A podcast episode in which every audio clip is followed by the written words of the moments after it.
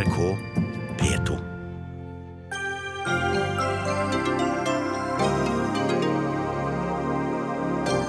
Parisavtalen lever i beste velgående selv om USA trekker seg ut, mener Erik Solheim, som er sjef for FNs miljøprogram. Men alle forskerne er ikke like optimistiske. Aupairordninga består, bestemte Stortinget i dag. Kapitalredaktøren takker partiene som bevarer en ordning som betyr mye for så mange. Senterpartiet vil tvinge alle stortingsrepresentantene til å stemme når tvangssammenslåing av kommunene skal bankes gjennom i Stortinget. Slik skal de stilles ansvarlig for egne velgere. Og er det på sin plass med et glass vin når man skal på klassisk konsert? Nei, mener pianist Leif Ove Ansnes, som vil ha skjerpede sanser og stillhet hos publikum.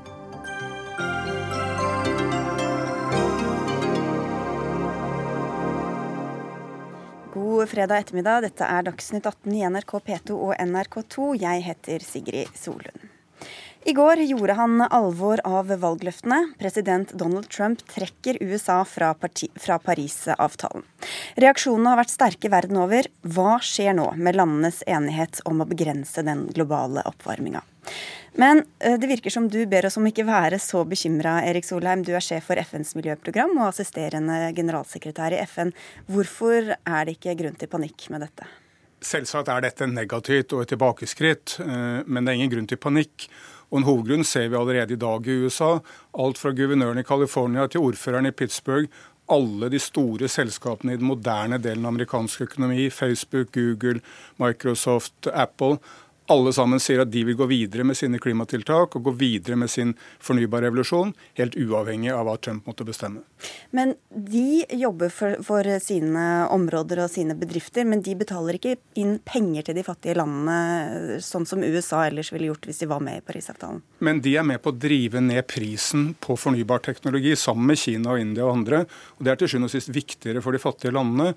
Hvis fattige land skal gå over til solenergi og vindkraft, så gjør de det for, ja, for fordi det er bra for miljø, men like mye fordi det er god økonomi og, og, og måte å spare penger på og få økonomisk framgang på. Eh, og Det er de store amerikanske selskapene med på. og De driver jo nå fram denne revolusjonen som vi nå ser på fornybar energi. For å ta en parallell, Den digitale revolusjonen skyldtes ikke at Jimmy Carter eller Ronald Reagan bestemte at vi trenger en digital revolusjon. Det skyldtes at folk som Bill Gates sluttet på universitetet og gikk ut og, og skapte den. Akkurat samme ser vi nå. Det er Tesla. De har nå større børsverdi enn General Motors. Og, og Ford. denne de knapt lager biler. og Det er fordi folk vet at framtida er elektrisk. Så markedet bl.a. skal fikse dette, Knut Alsen, du er seniorforsker ved CICERO. Er det så liten grunn til bekymring? Jeg er nok hakket mer bekymret. altså Jeg er enig i mye av det Erik sier. Men uh, disse klimaforhandlingene dreier seg til syvende og sist om harde ting som penger. Og noe av det som fikk Parisavtalen på lufta i sin tid, det var dette løftet fra de, fra de rike land at de skulle gi 100 milliarder dollar per år eh, etter 2020 til de fattige land for å hjelpe dem med den grønne overgangen. Og Dette undergraves nå massivt av at Trump trekker seg fra Parisavtalen. Og eh, Det gjenstår da å se hvordan u-landene og de fattige landene vil reagere på dette. Men jeg er bekymret eh, for at de nå sier ok, nei, da eh, har vi ikke råd til å gjøre noe. Hva er du spesifikt bekymra for, og hvilke land? Ja, Det er de aller fattigste landene primært. Jeg er ikke bekymret for Kina, f.eks., som vi skal komme mer tilbake til senere. Eh, og en del andre mellominntektsland. Eh, men de aller fattigste landene eh, står hjelpeløse uten hjelp utenfra i form av penger til faktisk å både å bygge et, en, en, få en utvikling som er klimavennlig fra starten av. For de skal også, kompenseres for at de da ikke tar de samme valgene vi har tatt de ja, siste tiårene? Ja, For å ikke gå den veien vi har gått gjennom det fossile. Og også penger til faktisk å tilpasse seg de klimaendringene som kommer. For det er jo dessverre sånn at denne Parisavtalen er jo ikke noe som stopper uh, utviklingen i gal retning. Og de pengene kommer ikke fra General Motors og Facebook og Google? Nei, men for også for de fattigste landene så betyr det mer at Kina og India bringer prisen på fornybar energi så langt ned at den nå er økonomisk konkurransedyktig. Solkraft og vindkraft er like billig, det er til dels billigere enn kull. Så nå er det fornuftig, energi, eh, fornuftig økonomi for de fattigste landene å gjøre det. De trenger ikke støtte og subsidier for å gjøre det. Det de trenger støtte til, som Knut har rett i, det er jo tiltak mot eh, oversvømmelser, mot tørke, mot, eh, mot, klima, mot de klimaendringene vi allerede ser. Der trenger de støtte. Og Hvis amerikanerne ikke vil gi den støtten, så må vi sterkt tilskynde EU, Kina og mange andre til å bidra mer. Hva med amerikanernes egne utslipp? Det er vel eh, det landet etter Kina som slipper ut eh, mest eh, CO2. Og nå skal vel Trump få kullindustrien virkelig opp og i gang igjen og subsidiere den. Hva kan skje med utslippene i USA, tror du? Men det vil han ikke klare. Det er, det er ingen som kan klare å få liv i kullindustrien. Det er bare spørsmål om hvor, hvor sakte og, og avgangen av den, eller slutten på den hvor, hvor, seig, hvor seigpint den er. Selv, kull, selv, kullselskapene i Kentucky investerer nå i solenergi. Kullmuseet i Kentucky eh, for en par måneder siden bestemte seg for å få ny energi. Og de bestemte seg for å ta solenergi, for det var det billigste til... Det fikk de litt kjeft for? Eh, ja, men Det illustrerer jo i én setning hvor raskt denne utviklingen går. For, for noen få år siden trodde ingen det var mulig. Siste året var det mye, mye, mye mer sol og vind som kom inn på, det, på verdensnettet, enn det som kom fra olje, gass og kull til sammen.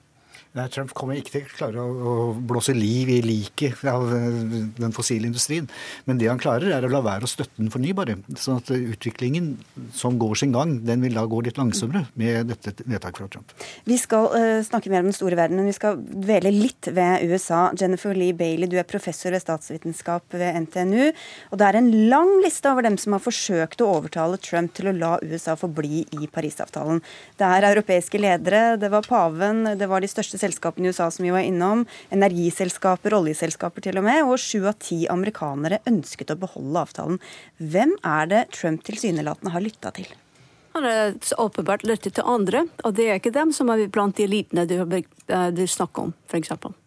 Hvem, eh, Det nevnes Steve Bannon. Er det han som har hvisket, eh, som har, lytt, som har hvisket i øret og, og veid så tungt? Jeg tror det, det, er hans på, Du ser at han har påvirket det, men det er, han er sånn representant for en helt miljø som egentlig er innom de samme temaene. At uh, miljøendring er ikke noe sånt. Men hva har Trump å vinne på dette?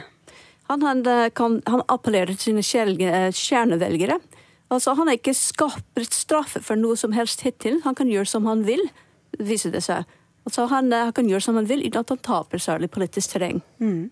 Men hvor populært er dette hos velgerne, da? Ja, det skal være populært i, med, eh, iblant vise folk, så klart. Men det er mange andre som ikke som ja, Det er mange andre som skal ikke være populært med, men det er ikke hans kjernevelgere. Nei. Så han appellerer til dem som han appellerer til fra før av, for å si det sånn. Ja. Og da ser alle til Kina, Olav Chen. Du er sosialøkonom og porteføljeforvalter i Storebrand, som jobber mye med bærekraft eh, og fond. Og Kina, som vi var inne på, slipper ut desidert mest CO2 i verden. Står nå for en fjerdedel av eh, utslippene globalt. Hva er det som har skjedd med Kina siden verdenssamfunnet nå forventer at de skal ta på seg en lederrolle? Ja, det er flere ting som spiller eh, inn her. Men det er jo helt klart at eh, Kina ser at de har forurenset eh, mye de siste tiårene. Og det, jo, det, har jo også skapt kostnader i form av høyere astma- krefttilfeller.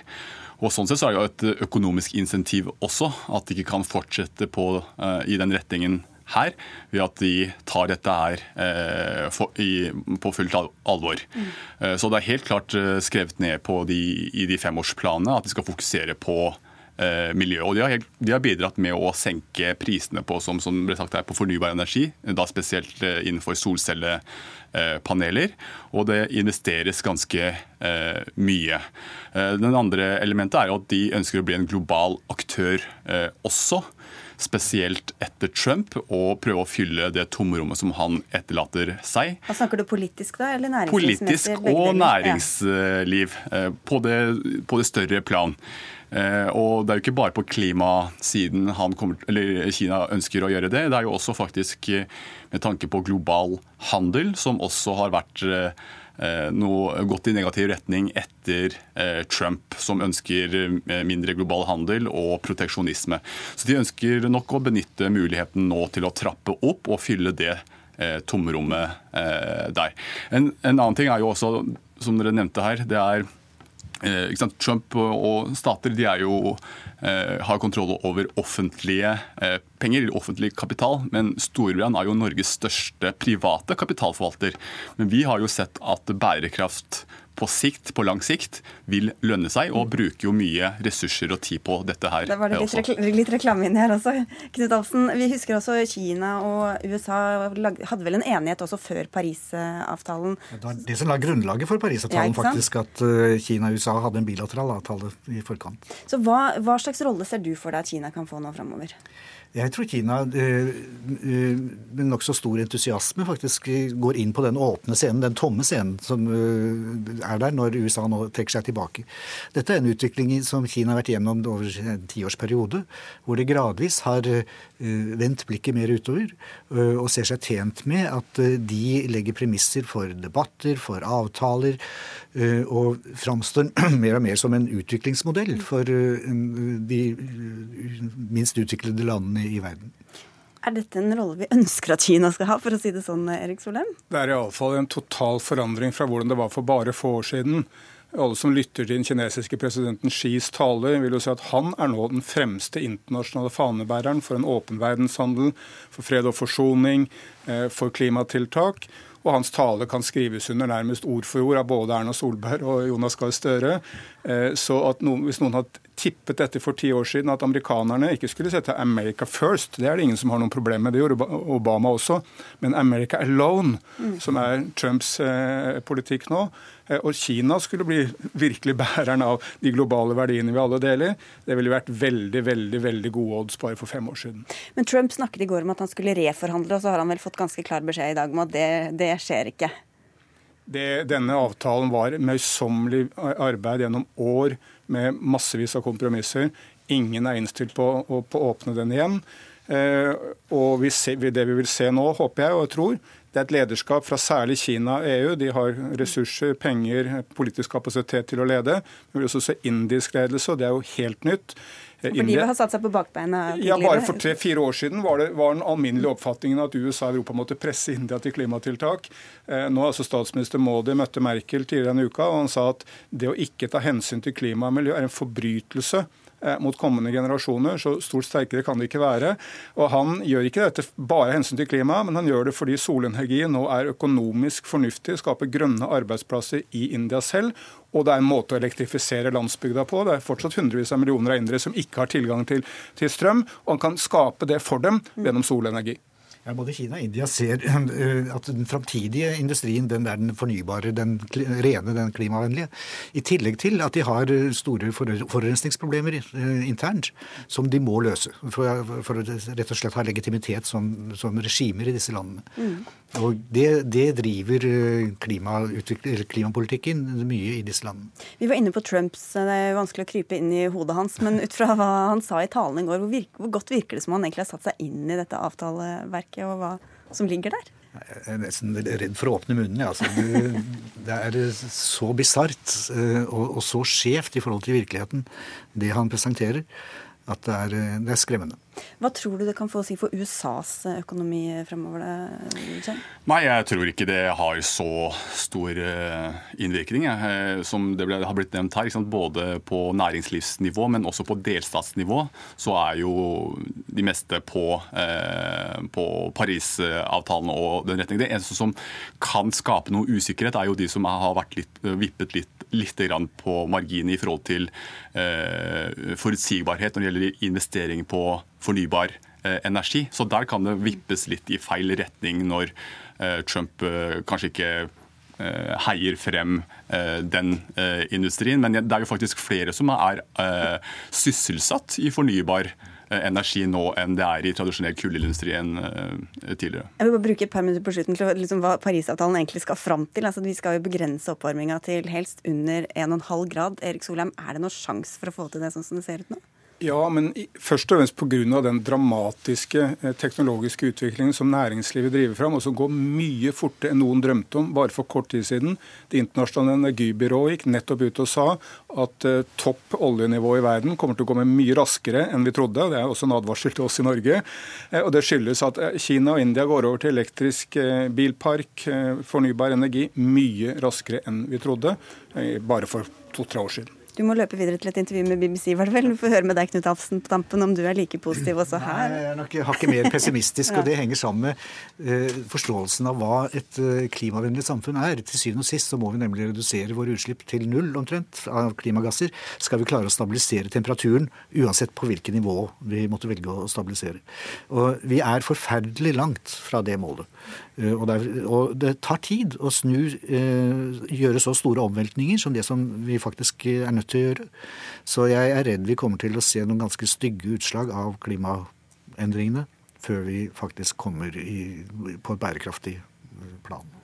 Jeg er, litt, jeg er, også litt mer bekymret enn eh, Erik her. Eh, og det er jo fordi Kina, i, eh, da de gikk med på denne avtalen, så hadde de så kan de vente ti år er det ikke det, eller frem til 2013 mm. før de må redusere sitt, sitt utslipp. Da. Mens, de var egentlig på oppadgående. De på vei oppadgående. Og det er jo fordi de fremvoksende økonomier, og Kina også, er jo fattige land som ikke har bidratt til den kraftige oppbyggingen av eller utslippene tidligere, slik at de fikk litt mer å gå på. Så er det de rike landene som skal ta ledelsen og ta de første stegene. Og sånn sett så er jo USA den største sant, av de rike landene og viktigst sånn sett. Så skulle ting, endre seg i USA, så vil det være et stort tilbakesteg med tanke på eh, miljøet. Jeg syns det er symptomatisk at Norge i denne situasjonen planlegger videre oljeutvinning. Oljeleting først, og så oljeutvinning. Eh, det er altså helt kontrært i forhold til hva klimaet trenger. Og det er en annen debatt som vi også har innimellom eh, fra tid til annen her. Vi får si tusen takk til dere i eh, dag. Erik Solheim som nå har forsvunnet ut av studio. Til deg, Knut Alfsen fra Cicero. Til Olav Chen fra Storebrand og Jennifer Lee Bailey fra NTNU. Takk skal dere ha. Dagsnytt 18 alle hverdager klokka 18. På NRK P2 og NRK2.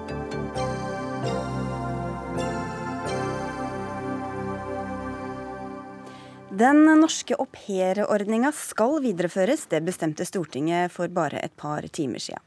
SV foreslo å avvikle hele ordninga, men ble nedstemt etter at KrF og Venstre bestemte seg for å ikke stemme for forslaget, til tross for kritiske uttalelser tidligere.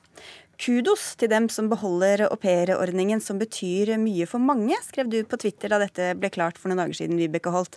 Du er redaktør i Kapital. Hvem er disse mange som denne ordninga betyr så mye for?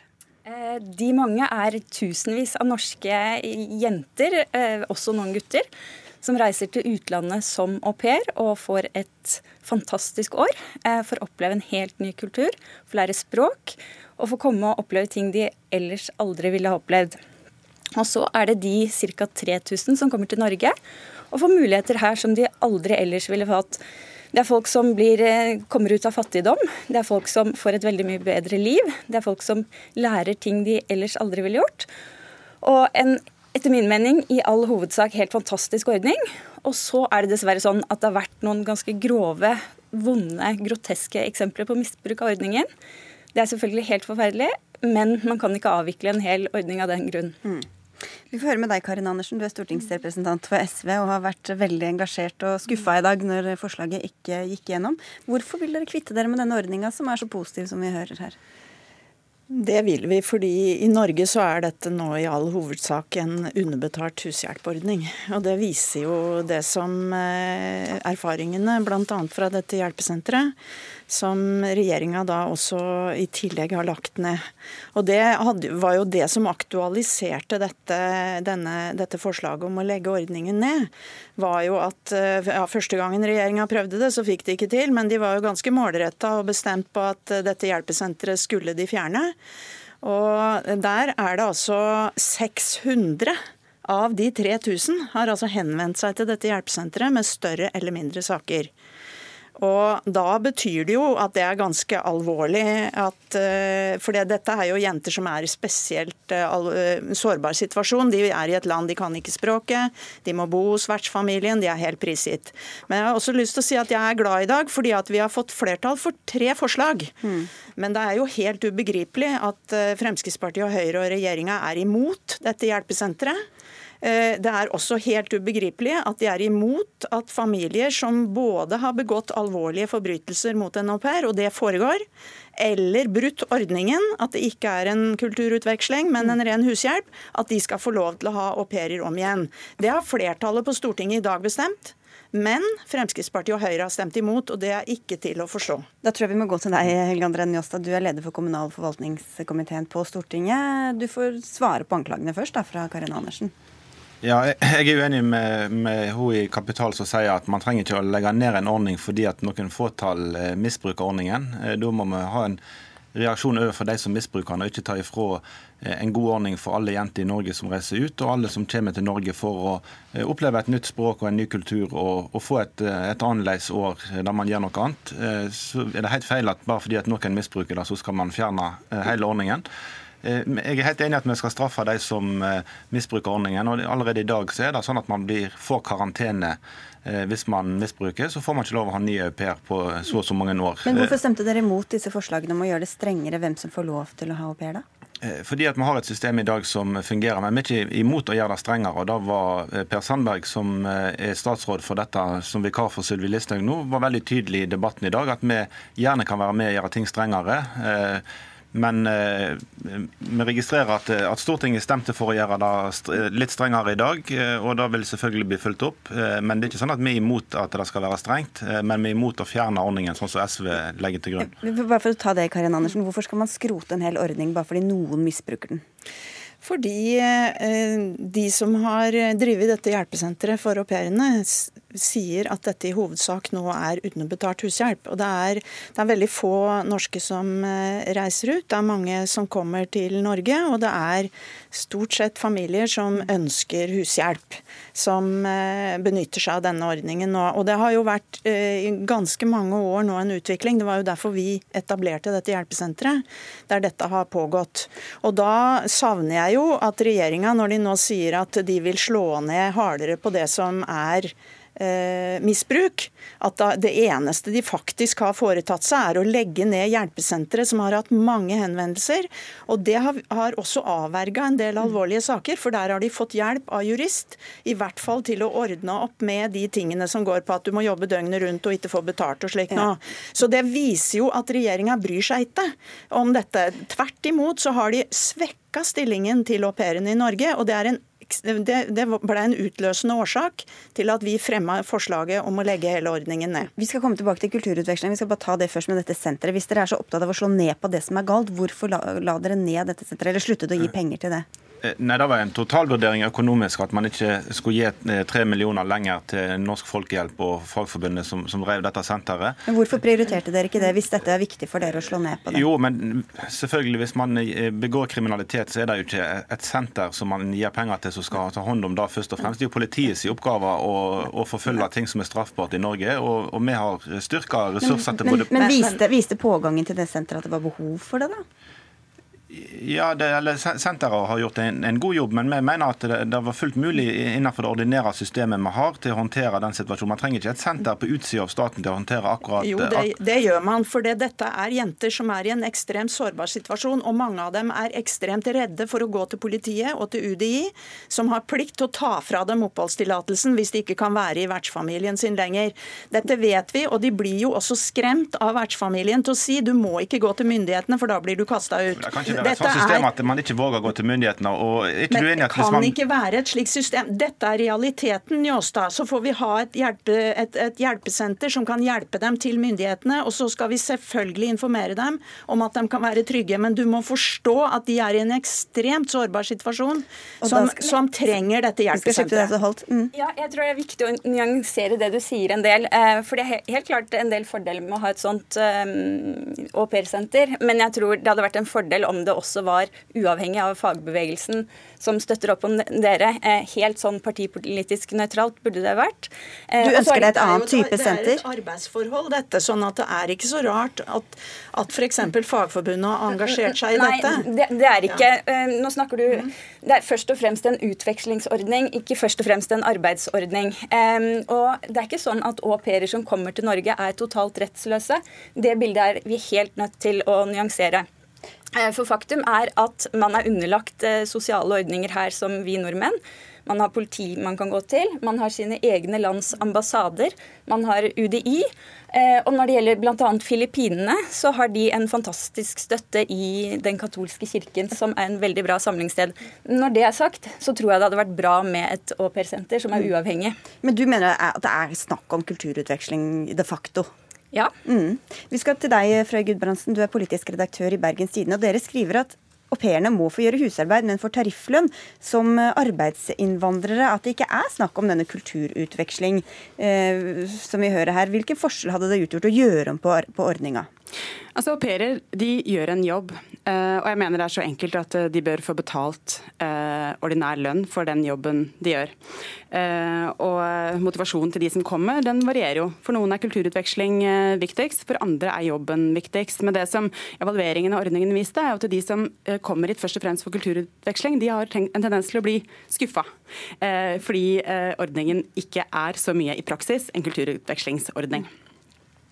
Det syns jeg er veldig spesielt. fordi de norske jenter og noen få gutter som reiser ut i verden, for de er det en kulturutvekslingsordning. Som du gjorde for noen år siden. Jeg har selv vært au pair, og det var et av de mest fantastiske årene i mitt liv. Og jeg hadde akkurat samme betingelser som filippinske au pairer som kommer til Norge har. Det her er internasjonalt regelverk. Eh, Men, men hvordan kan du sammenligne mm, din situasjon da som en eh, i, i verdenssammenheng, i hvert fall privilegert eh, jente, som reiste til Sveits, som du gjorde, med de som reiser fra Filippinene, kanskje reiser fra sine egne barn, eh, fra fattigdom for å komme til Norge? Det Hvor mye kan- kulturutveksling tror du de Eh, går til? Nei, det, det kan du ikke helt eh, sammenligne. Jeg ser at det er forskjeller på der, og at vi nordmenn gjerne er mer privilegerte. Når det er sagt, så er det her snakk om en del filippinere som kommer fra veldig veldig fattige kår. De hadde ikke kommet til Norge hvis det var fordi at de fikk det dårligere. De får det bedre. Det er kanskje deres eneste billett ut av fattigdommen. Men da er det ikke men- kulturutveksling, da er det for å Jo, løfte ut av fattigdom. Da. jeg synes Det er veldig rart at det er kulturutveksling når norske jenter reiser ut, men ikke når filippinske kommer inn. Og kulturutveksling, hva er det? Jeg vil si at Kulturutveksling er mulighet til å bo i en norsk familie. Lære om likestilling i familien, lære om demokrati, lære om norske skolevesen, lære alle godene ved samfunnet og se hvordan et godt samfunn fungerer. Og bedre kulturutveksling kan du nesten ikke få. Det er, det er rimelig na- naivt når vi vet hva mange av disse jentene blir utsatt for, og at det er husarbeid. Det er altså billig hushjelp man får seg. Og jeg er helt enig med Gulbrandsen i at de burde ha ordentlig lønn for de timene de jobber, og komme inn under arbeidsmiljøloven. Det har vi også foreslått i dag og blitt nedstemt Men hvor mange tror du ville gjort det da, Gulbrandsen, hvis de skulle komme hit og få tarifflønn? Nei, jeg tror kanskje etterspørselen vil gå ned. fordi at Grunnen til at ordningen er så populær, er nettopp fordi au pairene er underbetalt for jobben de gjør. Eh, så jeg mener at eh, de burde få betalt for jobben. eh, Og hvis ikke det da er attraktivt, så kanskje det sier noe om hele ordningen. Eh, Og jeg synes også det er påfallende at nesten alle som kommer til Norge som au pair, eh, de kommer fra land med svært lavt lønnsnivå. Og hvis det, liksom det største godet ved ordningen er å hjelpe kvinner ut av fattigdom, så man jo, burde man i hvert fall øke lønnen, sånn at man kunne hjulpet de enda litt mer. Og ha det som et, et vanlig arbeidsforhold, da? Holt? Eh, nei, da ville du tatt fra mange muligheten til å komme. Nettopp fordi at det ikke er et vanlig arbeidsforhold, så gjør det mulig at mange kan komme hit. Det stilles ikke samme grav til de som kommer.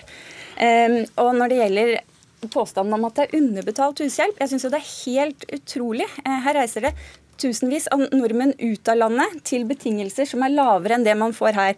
Og Da må jeg bare få lov til å si litt hva som ligger i betalingen til au pairer. For det er- ikke et vanlig arbeidsforhold. Eh, man jobber maks fem timer om dagen. eh, Med lett hushjelp.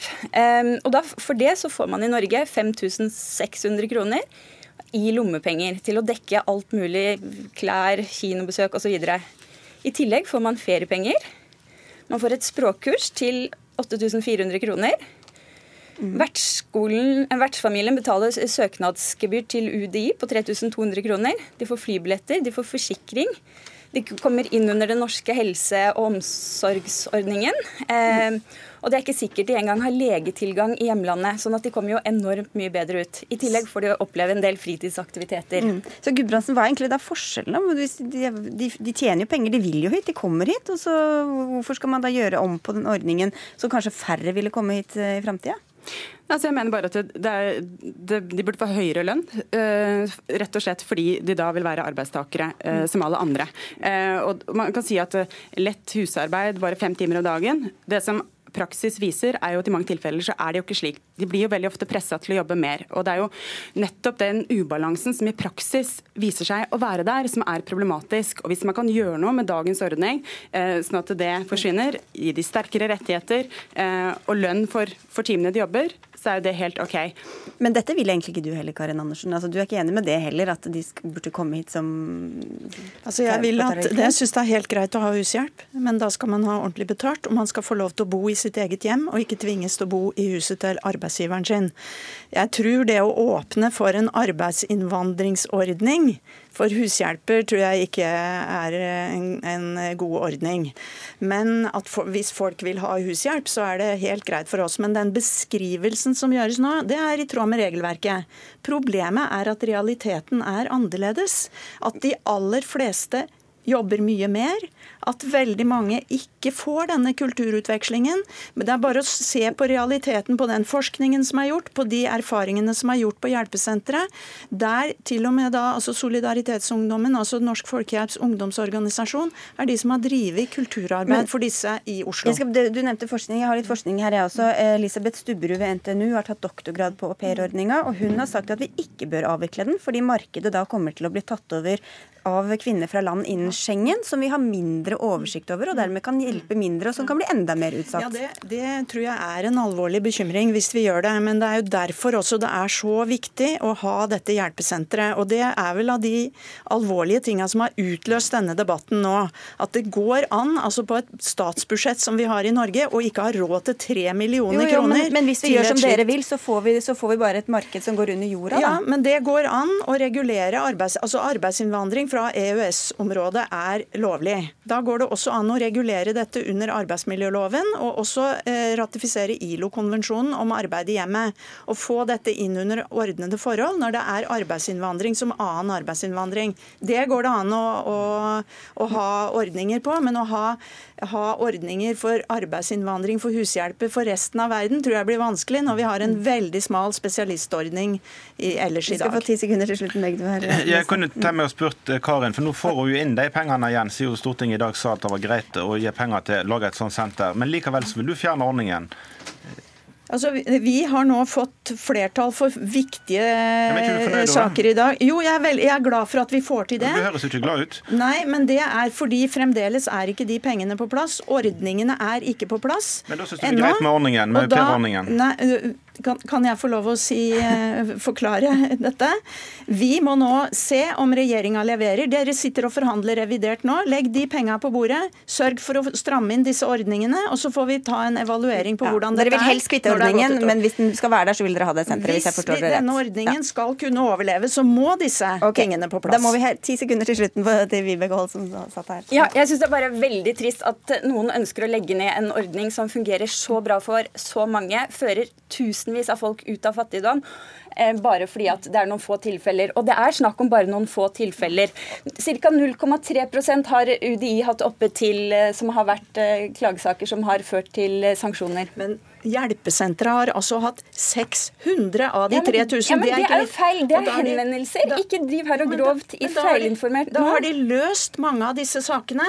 For det, det, er veldig få av disse jentene som tør å gå til UDI og si fra, for da har nemlig UDI Det er jo feil å fremstille okay, det som om det er 600 alvorlige saker. Noen av de er jo bare diskusjonssaker. Ja, men da løser vi de. Ja. Og det, er, det er, viser hvor nødvendig da, det er med dette senteret. Og det får dere dette senteret. burde du være ja, enig i. Ja. Det er jeg enig i. Da, vi, da, slutter vi der, da, når det var litt enighet i hvert fall. Njåstad, du skal komme tilbake, så du, vi lot deg slippe unna med litt lite taletid nå. Karin Andersen, takk skal du ha. Takk til Vibeke Holt og til Frøy Gudbrandsen.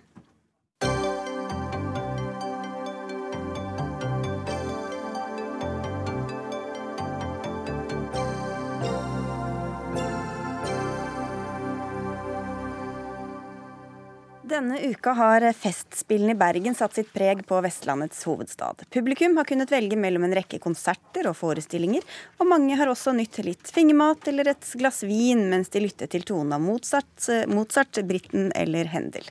Det høres kanskje deilig ut, men du lot deg ikke begeistre av denne kombinasjonen, Leif Ove Ansnes, du er musiker og pianist.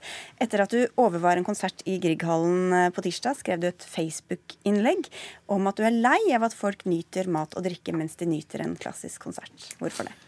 Jeg er ikke bare lei, jeg var veldig overrasket over at det overhodet skjer. Eh, for jeg har ikke tenkt på at det har vært noen oppmyking av reglene der, men det, var, det, var jo, det er jo tydeligvis tilfellet um, i Grieghallen i Bergen og, og, også i noen andre norske saler. Dette er noe som jeg overhodet ikke opplever i utlandet. Um, det skal sies at her snakker vi om for, altså, forskjellige typer musikk, og vi som driver med akustiske instrumenter, altså uten mikrofoner og høyttalere, vi er så utrolig avhengig av stillheten. Um, altså, Min type musikk kan nesten ikke eksistere uten den stillheten. Det er så store dynamiske sving og vi, uh, svingninger, og vi går helt ned i det helt vare. Uh, knappenålseffekten. Uh, og der er magien uh, blant annet der. Uh, det er veldig viktig for musikerne. Når jeg sitter i salen som publikum, det er det andre, så opplever jeg visuelt forstyrrende at, at man sitter og nipper vin eller hva som helst. Uh, gomle kjeks ved siden av. Uh, på samme måte som hvis noen tekster med mobilen. eller sånt. Altså, det blir for lite fokus på innholdet i konserten. Um, det tredje jeg tenker, Er det virkelig nødvendig? Altså, må, vi, må vi putte noe i munnen uh, den timen som dette varer? Ja, Vi får høre det. Olav Munch, du er administrerende direktør i Grieghallen. Må vi putte noe i munnen og bråke og forstyrre og spise kjeks og drikke vin absolutt hele tiden? Jeg kan jo komme litt tilbake til det. Men først bare, hvis jeg kan få lov eh, altså Grieghallen eh, det er vel egentlig den største kombinerte konsert- og konferansesenteret i Norge. Og eh, Det er Bergen storstue. Vi har 400 000 publikummere i Grieghallen hvert år. 250 000 ca. som er konsertpublikum, og 150 000 på konferanser og messer og sånn, den mhm. type ting. Og av de 250 000 som er på konsert, så har vi jo både rock og pop og jazz og visesang og alle mulige slags eh, typer konserter. Eh, julekonserter og det ene med det andre. Og så har vi da eh, klassiske konsert som er tema nå. Mm -hmm. Og eh, også på de klassiske konsertene så har vi alle typer publikum. Så vi har publikum med veldig stor kunnskap om musikk, gjerne profesjonelle musikere, gjerne i verdenstoppen, slik som Leif Ove Ansnes. Og vi har publikummere som er helt på den andre enden av skalaen. Og dette gjelder også på Festspillene, som jo er bakgrunnen for for denne diskusjonen her. og Det gjelder på Bergen Filharmoniske Orkester, og det gjelder også på Operaen i mm. Bergen. Så Det er kanskje ikke alle som er like kresne lyttere som det du er, men som syns det er hyggelig med en helhetlig opplevelse. Å kunne ta et glass vin og høre på en konsert. Jeg skjønner veldig godt det, men, men det er jo noe med å ta bort uh, litt sånn egenarten i opplevelsen her. For jeg... Uh, altså på en måte I, i vår vestlige kultur så har det vært en, nesten en pakt mellom mellom scene og, og, og sal i, i, mange mange tiår. Man kommer inn, man konsentrerer seg om lyttingen. Um, det, det, er det som skjer. For, for, meg er det veldig forstyrrende. Jeg, jeg vil ikke si at jeg føler meg automatisk som en taffelpianist, men det, det, det blir sånn uh, Hvorfor skal vi sitte og jobbe med de minste nyanser? Hvorfor sitter et orkester fra mandag til torsdag uh, og jobbe intenst og, og, og bruke massevis av midler for, for, for, for at, å, å virkelig gå ned i de små detaljer? Uh, hvis, et orkester, hvis et publikum er tilbakelent og, og skal kose seg med, ja. med, med vin og mat um, jeg, jeg, jeg, har stor forståelse for det du sier. Og jeg, aksepterer jo egentlig fullt ut at, eh, at det er mange blant publikum som ønsker å ha fullt fokus på det musikalske. men men arrangørene, da, i dette tilfellet Festspillene, de, de ønsker å nå et bredt publikum. Mm. Og man er nærmest, det, det, det, er et sterkt ønske blant alle de klassiske arrangørene som vi har i Grieghallen, at man skal nå et nærmest et bredest mulig publikum. Og, og da må det, det forholdet som Ansnes nevner her, det må veies opp mot eh, at man ønsker å ha en lav terskel og ikke, ikke være ekskluderende i forhold til eh, et bredt publikum. Så, så da vinner du skal få inn bare en tredjeperson her, eh, en som er enig med deg, Hansnes, så du kan hvile et sekund. Ingeborg Mires Hansen, du er tidligere kinosjef i Oslo. Du er jo glad i både vin og klassisk musikk, men hva syns du om kombinasjonen? Nei, jeg er så veldig enig med, med Leif Ove her om at uh, i det rommet vi her snakker om, det er mange rom i en konsertsammenheng. Og i det rommet hvor en utøvende kunstner, eller flere utøvende kunstner, skal nå sitt publikum på det som er deres kunstneriske arena, så forutsetter man jo i den koden som ligger for invitasjonen, at man kjenner hvordan dette skal være. Og gjør man ikke det, så har arrangøren eller vertskapet Vertskapet har en oppgave her. Og jeg, jeg skjønner ikke at uh, Ola Munch og Festspillene og Grieghallen kan unnslippe med å si at nå gjelder det å finne et bredt publikum. Så da får de som ikke er håper å si, brede nok eller smale nok, de som er for smale, får liksom finne seg i det. Ja, Konseptet går i stykker. Ja, Ødelegger for noen, da, Olav Munch, ved å appellere til alle? Selvfølgelig. Ja, altså det kan, du, det kan, du, si, så man kunne teoretisk sett ha innsnevret det til å bare være de som virkelig konsentrerer seg 100% om detaljene i musikken, og som, som har en kunnskap som tilsier det. Men vi ønsker jo å gi det brede publikum en, en, god opplevelse. Og eh, For mange så er det å gå på konsert det som en de, de gjør det gjerne ikke regelmessig, det er som en, en, en festaften. Og, og, Da hører de gjerne med å ta seg litt snacks, kanskje litt fingermat, et glass eller to før kons, konserten, og, og, og, nyte musikken med, med noen velsmakende dråper. Det er jo ikke, det er ikke snakk om ja, enda til gode å oppleve at folk går ut av en klassisk konsert for å fylle på glasset sitt. Baren er faktisk stengt under konserten, slik at det, det er ikke reking ut og inn. Det er de som eventuelt har med seg et glass inn ja, så Det er nokså sobert, da. Det er, ikke, det er ikke fullt av bacon crisp og sånn, uh, Ansnes? Vi snakker, ikke, vi snakker ikke om fyll. Vi snakker ikke om fyll. Jeg, jeg, har bare ikke tro på at dette, dette, dette tiltrekker nytt publikum. Jeg, jeg, tror det motsatte. Jeg, altså, jeg tror um, at man vil eh, støtte fra seg folk som vil heller dra hjem og høre på en plate. Da kan de også drikke vinen sin. Eh, men, men hvorfor ikke reindyrke denne formen, som, som, som det nesten ikke finnes noe av i samfunnet lenger? Dette at vi kan fordype oss i noe uten å måtte men det, og det kan vi takke deg for kanskje også, Ingeborg Marie Sansen, for du var med på å åpne for vinservering på Gimle kino i Oslo i, i sin tid. Og det, det jeg har jeg, Som har bredd om seg da Nettopp. Og det er som Lars Roar Langslett, som da brøt NRK-monopolet og så det bøtta inn med all slags fryktelig fjernsyn. Sånn det, det har vi snakket om. Men, eh, men jeg, da jeg gjorde det, så var det i en bølge av at vi var begynt å gå på kafeer og eh, Gimle kino, hvor jeg ville ha folk inn og det må herr Munch høre, at jeg vil ha folk til å se den andre viktige filmen. Og da skulle de kunne ta med seg inn et glass vin eller et eh, Ikke noe annet. Ikke øl og ikke noe annet tøys. Bare det. Var litt snobbete, selvfølgelig.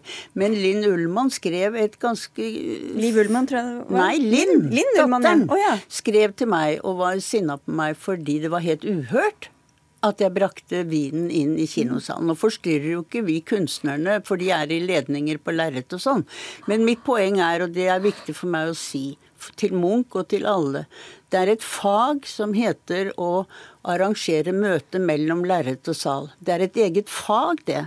Og når man påtar seg et ansvar som vertskap for å møte sitt publikum med den klassiske konsertutøvelse, så må man vite at da sitter man ikke og spiser og drikker. Så dere må oppdra, oppdra publikummet deres? Selvfølgelig. Ja, vi, vi, det, det, kan godt, eh, det, kan godt, tenkes. Nå, nå sitter vi ikke folk og spiser i, i salen, det gjør de ikke. Men, men, det er klart at, at det er sjenerende med, med forstyrrelser. Det er feil. For, folk, for, folk hoster, og de nyser. En mobiltelefon ringer en gang iblant, eh, dessverre. Eh, innimellom så er det en som reiser seg og går ut for å gå på toalettet. Det er Alt det der er forstyrrende. Og jeg skulle gjerne sett at folk sluttet å hoste og sluttet å nyse osv. Men, men, men, akkurat det der med glasset, det er en forsvinnende liten del av forstyrrelsen, hvis de i det hele tatt det, det, kan være en forstyrrelse, men jeg er jo litt glad for å høre Ansnes sier at han kjente ikke til at man hadde lova glass med inn i salen. Og du har jo, eh, Leif Ove, du har jo hatt mange konserter i Grieghallen uten da å faktisk legge merke til at publikum har med seg glass inn i salen. Så Nei, det har jo ikke vært forstyrrende. Riktig, men jeg trodde det var et uhell de gangene det skjedde de siste årene. For dette, denne oppbyggingen har vel skjedd for fire-fem år siden. Ok, Vi må avslutte men bare ansett helt til slutt. Også. Er det så mye mer forstyrrende med noen som sitter og drikker vin, enn at de hoster og harker og alt mulig annet man Nei, kan holde på altså, med i salen? det er forstyrrende.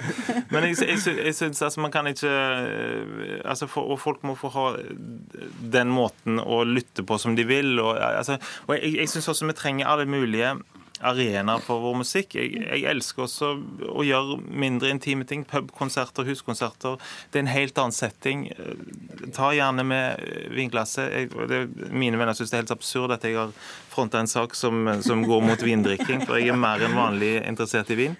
Uh, men, men, uh, men, det må være noen rom hvor, hvor, vi har, hvor vi har anledning til full fokus og fordypning på musikken.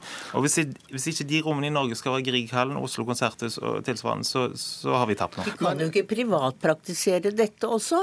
Det er noen koder. Det har med oppdragelse å gjøre. Og noen foreldre og noen direktører i Grieghaller og noen kindirektører må ta på seg den rollen og si stilt. Ja. Greit. Kan jeg bare få lov å... og det var veldig veldig, veldig kort på slutten. Ja, ja, fordi at det, um, det, er til syvende og sist arrangørene her som bestemmer. Og jeg kan fortelle deg, eh, Ansnes, at, um, at jeg skal ta et initiativ nå etter Festspillene og invitere de tre arrangørene, Festspillene, BFO og Bergen Nasjonale Opera, til en, en, diskusjon og høre om vi skal endre på den okay. praksisen som vi har i dag. Glad for å hørt. Dagsnytt 18 tåler fortsatt litt eh, øl og vin eh, ved radioapparatene. Vi får si takk skal dere ha, alle sammen. Leif Ove Ansnes, Ingeborg Muriøs Hansen og Olav Munch fra Grieghallen.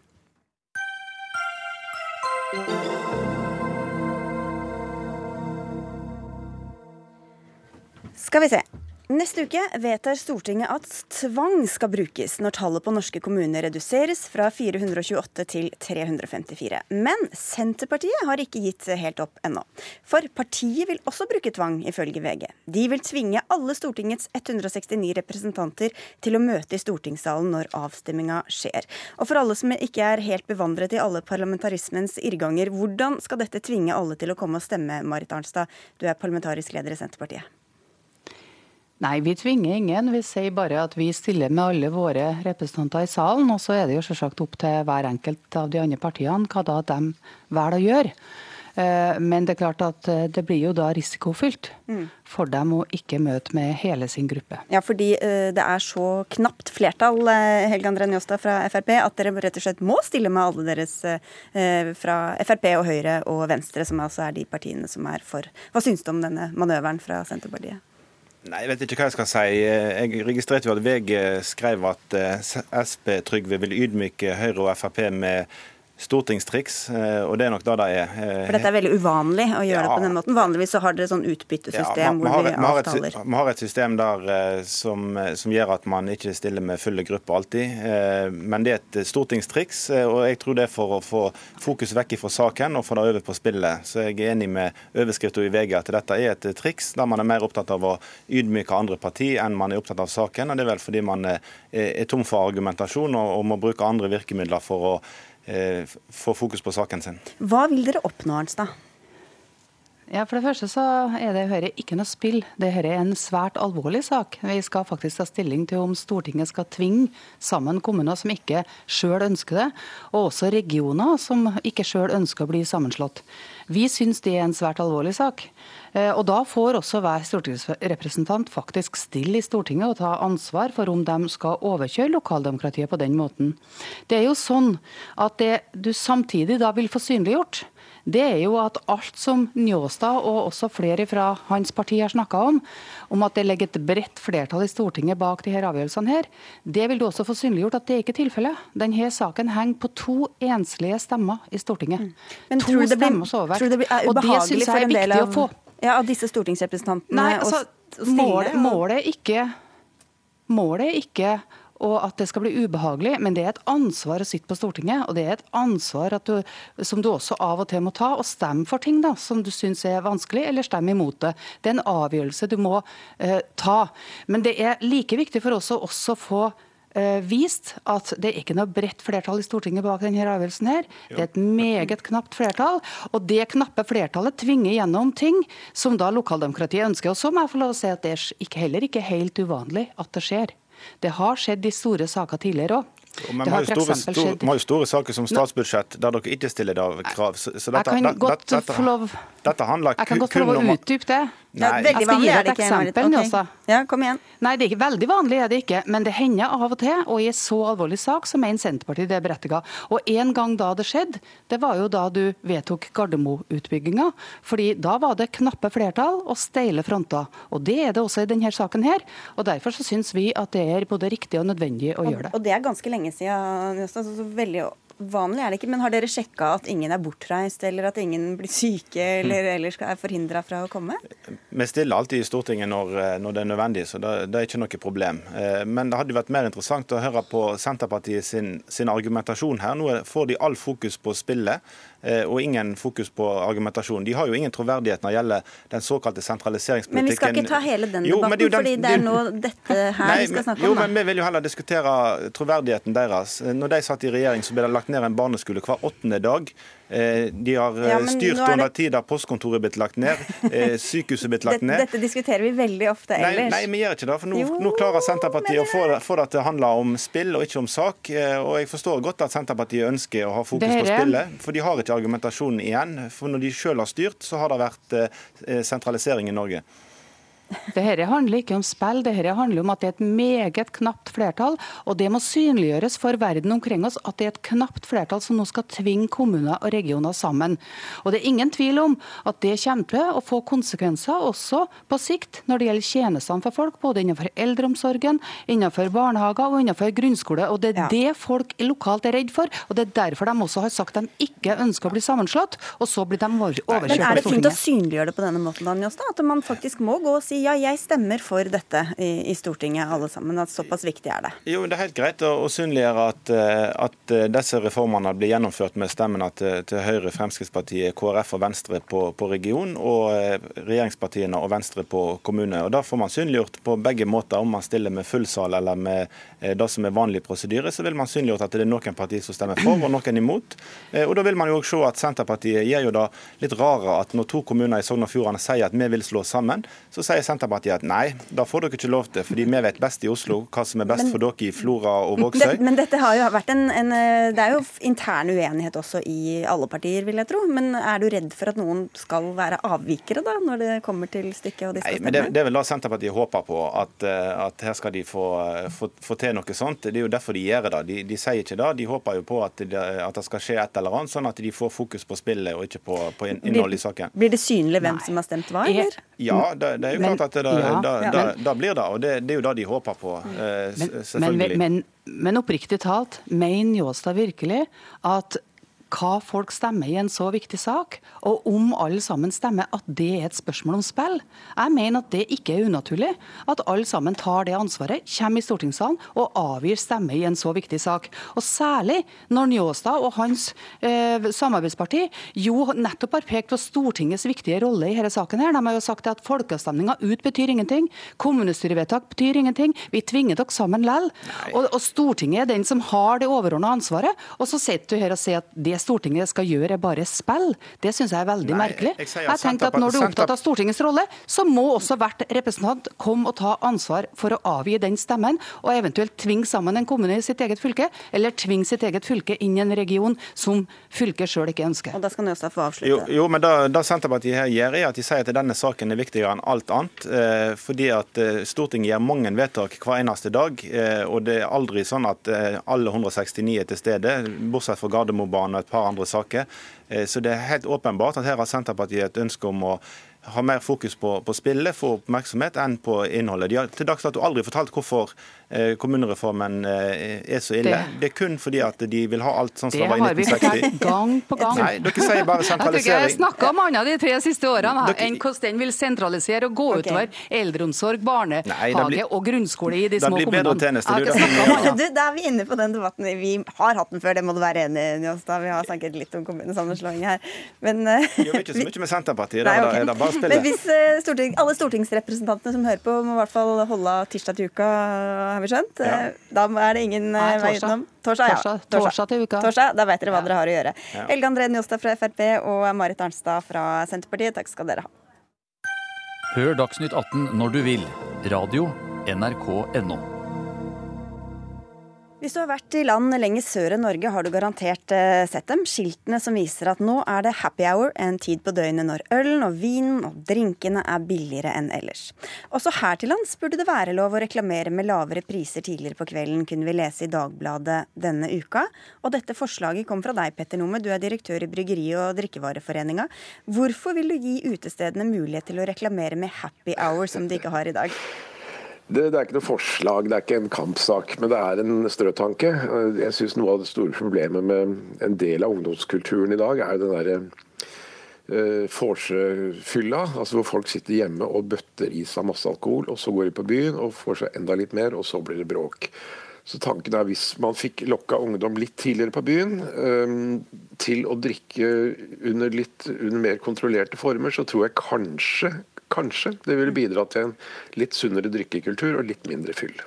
Og happy hour er lov, bare for å slå fast det. Altså, man kan servere alkohol billigere enkelte tider på døgnet enn andre ja, reklamere, altså Det jeg tenker på, er disse skiltene ja. du nevner utafor. Altså, det er et forbud mot alkoholreklame i Norge som vi syns er veldig bra. Vi vil gjerne beholde det. Men, men, men uh, det at det kanskje Litt informasjon. litt informasjon. Et skilt på gata eller inne. Hanne Cecilie Widnes, du er generalsekretær i den russpolitiske organisasjonen IOGT. Hvorfor skal de ikke få lov å reklamere eller informere om et lovlig tilbud?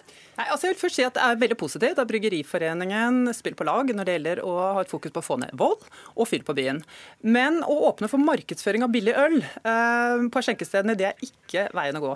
Eh, og Det er kanskje tre ting jeg vil trekke frem der. Vi vet eh, mye om at det er pris og tilgjengelighet som holder eh, konsumet nede, alkoholkonsumet nede. Og Happy hour kan jeg si tre momenter knyttet til. Det ene er at vi har studier fra bl.a. England, men også fra USA, som viser at happy hour øker kanskje særlig blant unge mennesker, både fylla og volden på utestedene. Og så er det jo da en tanke som jeg forstår at Peter Nomær snakker fra om, om at det er tryggere å drikke på byen enn hjemme. Eh, studier fra Leif Lenke i Sverige eh, viser at, alkohol, risiko for at alkoholkonsumet kan føre til voldsutøvelse er seks til ti ganger større eh, på et offentlig sted enn hjemme. Eh, så det, er ikke, det at liksom kontrollen skal være noe bedre ute enn hjemme, er det ikke noe grunnlag for å si. Og Det tredje er at vi har store utfordringer i dag med fyll um, ute på byen. Og Det handler bl.a. om at skjenkestedene um, overskjenker. De skjenker over stadig berusede mennesker. Så det mm. er ikke den kontrollen vi skulle ønske at det hadde vært, som alkoholloven egentlig krever at skal være der. Det er ikke sånn automatisk eh, logisk at det skal være lurt å lokke ungdommen til å begynne å drikke tidligere på ettermiddagen, Petter Nome? Nei, altså Det spørs jo hvor litt tidlig på ettermiddagen det er, men sånn som det er nå, eh, hvor folk sitter hjemme og fyrer til midnatt omtrent, eh, der finnes det ingen aldersgrenser. Det er ingen som passer på, det er ingen som, ingen, ingen som sier at nå har du drukket for mye. Det er klart at det, er ikke noe å diskutere engang. Altså, det er klart at kontrollen er mye, mye mindre. Men hvis det er farligere å gå ut og drikke, da? Nei, jeg tror, det, jeg tror, ikke det, kan stemme. Jeg tror heller ikke det er så naturlig å sammenligne med alle mulige andre land. For det er noe med prisnivået i Norge som også er så høyt. At uh, Grunnen til at man ofte sitter hjemme, er jo selvfølgelig fordi det er uh, mye billigere. Så hvis man kom seg ut tidligere, øh, hadde en time med, med noe lavere priser og så ble sittende, mm. så ville jo også inntaket reguleres av at prisene da faktisk blir høyere etter den der øh, lykkelige timen. Og så går man kanskje hjem klokka tolv istedenfor å gå ut klokka tolv, øh, Vinnes? Ja, altså jeg er helt med på at det hadde vært fint om folk kom seg tidlig ut på byen. Det er en utfordring at, at utelivet er preget av at folk er seint ute. Men du, du, kan godt synse om en ting, men vi har ganske god, altså, ut, vi har ganske god forskning i Norge på hvordan utelivet fungerer og hva som er effektive virkemidler. Og Skal du få folk til å gå tidligere ut og skal du redusere volden, eh, og den er ganske omfattende ute på byen i dag. Politiet selv snakker om å lempe fyll. Skal du få det til, så kan man bruke det virkemidlet som er dokumentert og fungerer, og det er å redusere skjenketidene. Altså ha en tidligere skjenkestopp. Men, men hvis du vil ha ungdommene og alle andre tidligere ut på byen, hvorfor ikke da reklamere for happy hour? Fordi at markedsføring av alkohol, som jeg viste til med forskning her, markedsføring av alkohol fører til at det konsumeres mer. Det er utfordringen. Det mm. er, en, det er, egentlig å finne seg nok et tull i markedsføring. Jeg tror vi er helt enige om det med markedsføring. Altså, vi, er, vi, vi, støtter begge et forbud mot alkoholreklame, så det er ikke det som er poenget. Men er det mange som ikke veit om denne happy hour, da? Jeg kjente ikke til den sjøl, et nummer, for å være helt ærlig. Men... Nei, og det er vel muligens fordi at det ikke er lov til å markedsføre det. Ja. Og det er, når du sier at du er, jo, men sant, når du er for reklameforbudet, Petter Nome, så tenker jeg at dette er en av de viktige virkemidlene for å holde på et godt reklameforbud. Okay, for å holde konsumet nede. Ti sekunder på tampen her, Nome.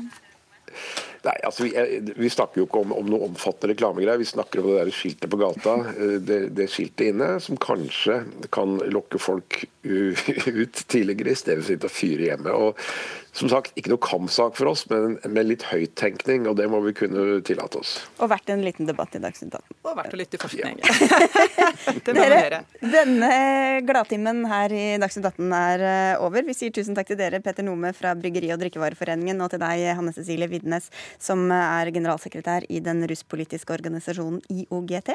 Dagsnytt 18 er over. Dag Dørum var ansvarlig for sendinga, Lisbeth Sellereit teknisk ansvarlig, og jeg, Sigrid Solund, ønsker god kveld og god pinse.